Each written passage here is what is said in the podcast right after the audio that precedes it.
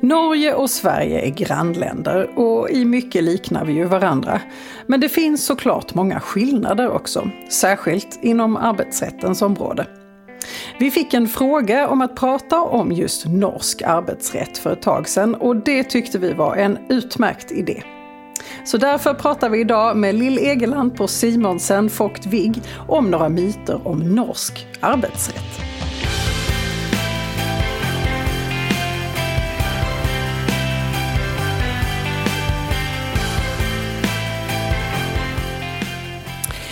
Hej och välkommen till Arbetsrättspodden. Podden för dig som verkar inom HR eller hanterar personalfrågor i din vardag. Jag heter Emelie Svensäter Jerntorp och är advokat och arbetar med arbetsrätt här på Vinge. Och med mig idag har jag min norska kollega Lill Egeland som jobbar på Simonsen Vogt Vigg i Oslo. Hej Lill! Hallo Emily, tusen tack för att jag får komma. Ja, tusen tack för att vi kan göra detta. Ja, som jag nämnde inledningsvis så är det så att det här avsnittet har faktiskt eh, kommit till av en person som hörde av sig och väldigt, väldigt gärna ville veta mer om norsk arbetsrätt. Eh, och då tänkte jag direkt på dig. Så hygglig. Ja, men jag gläder mig. Och då är det så här, jag tänkte mig någonting i stil med det här, för att vi har eh, ofta frågor från våra klienter som sysslar med, eh, ja såklart verksamhet här i Sverige, men jag menar länderna här uppe, de eh, går ju väldigt ö, ofta över gränserna och Norge är ju ett land där vi har mycket frågor kring. Och jag vet att jag brukar höra av mig till dig och då tänkte jag jag skulle få använda mig av din kunskap även idag. Nu tänker jag att vi kan väl fokusera på några myter om norsk arbetsrätt. Det hörs ut som en god plan.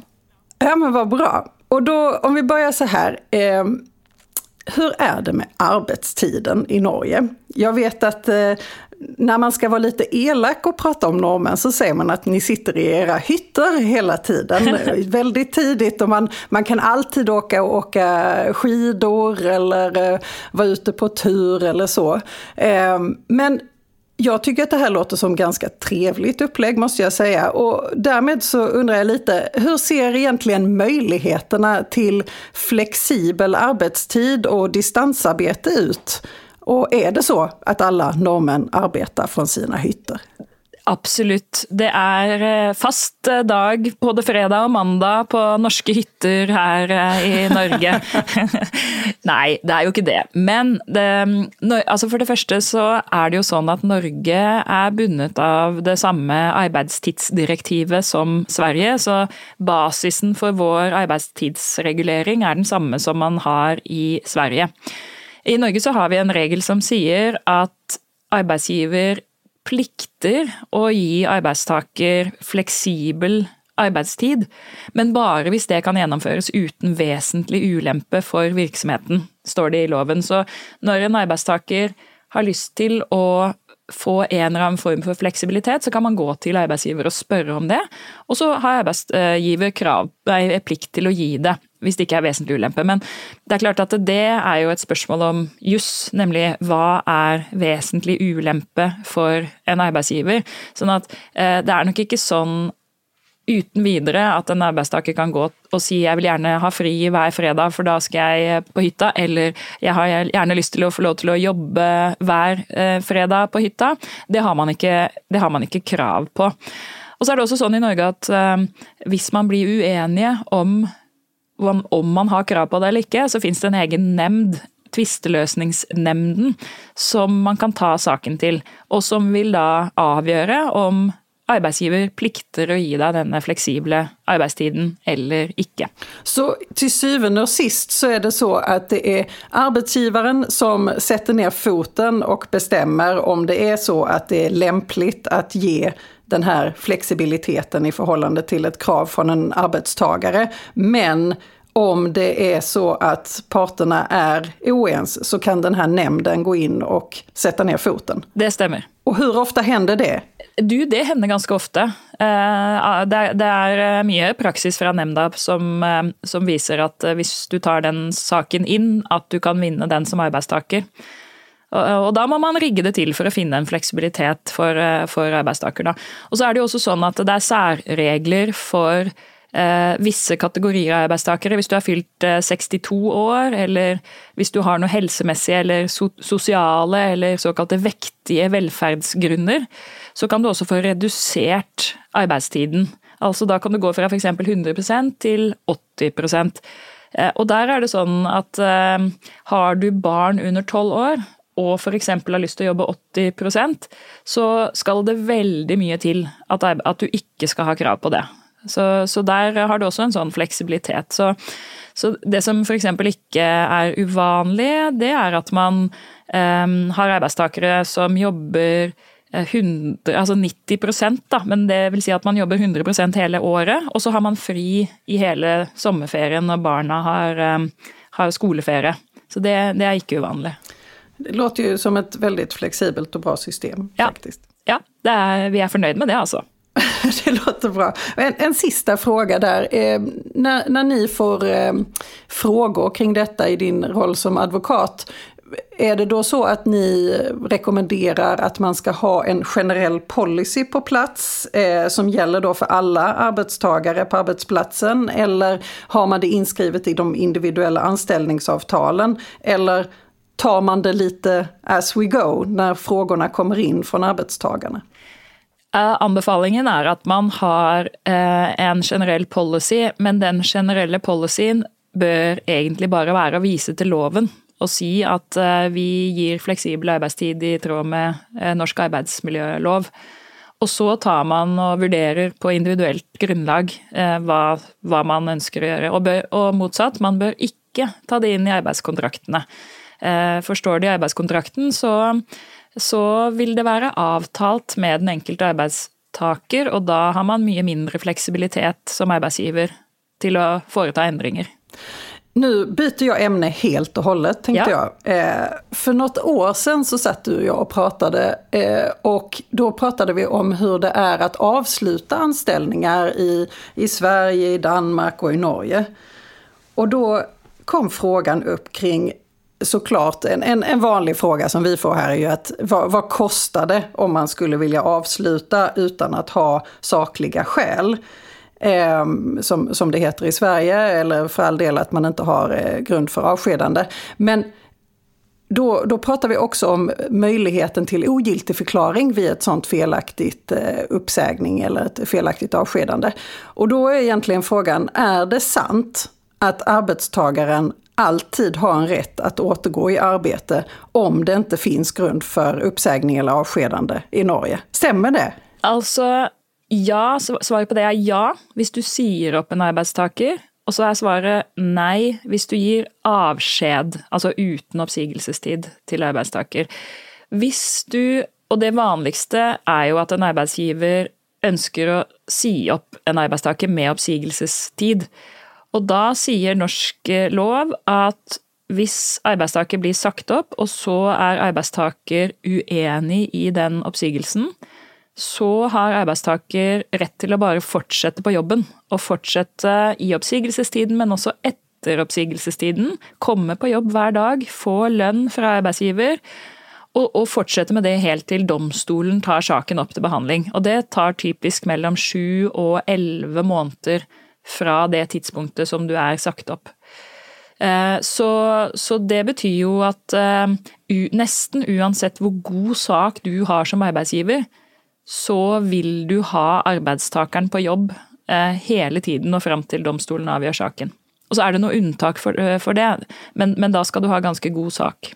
Och om det då skulle vara så att domstolen eh, kommer fram till att det inte finns grund för uppsägning eller avskedande i detta fallet. Ja. Och arbetstagaren då vill gå tillbaka och fortsätta att arbeta, men arbetsgivaren inte vill detta.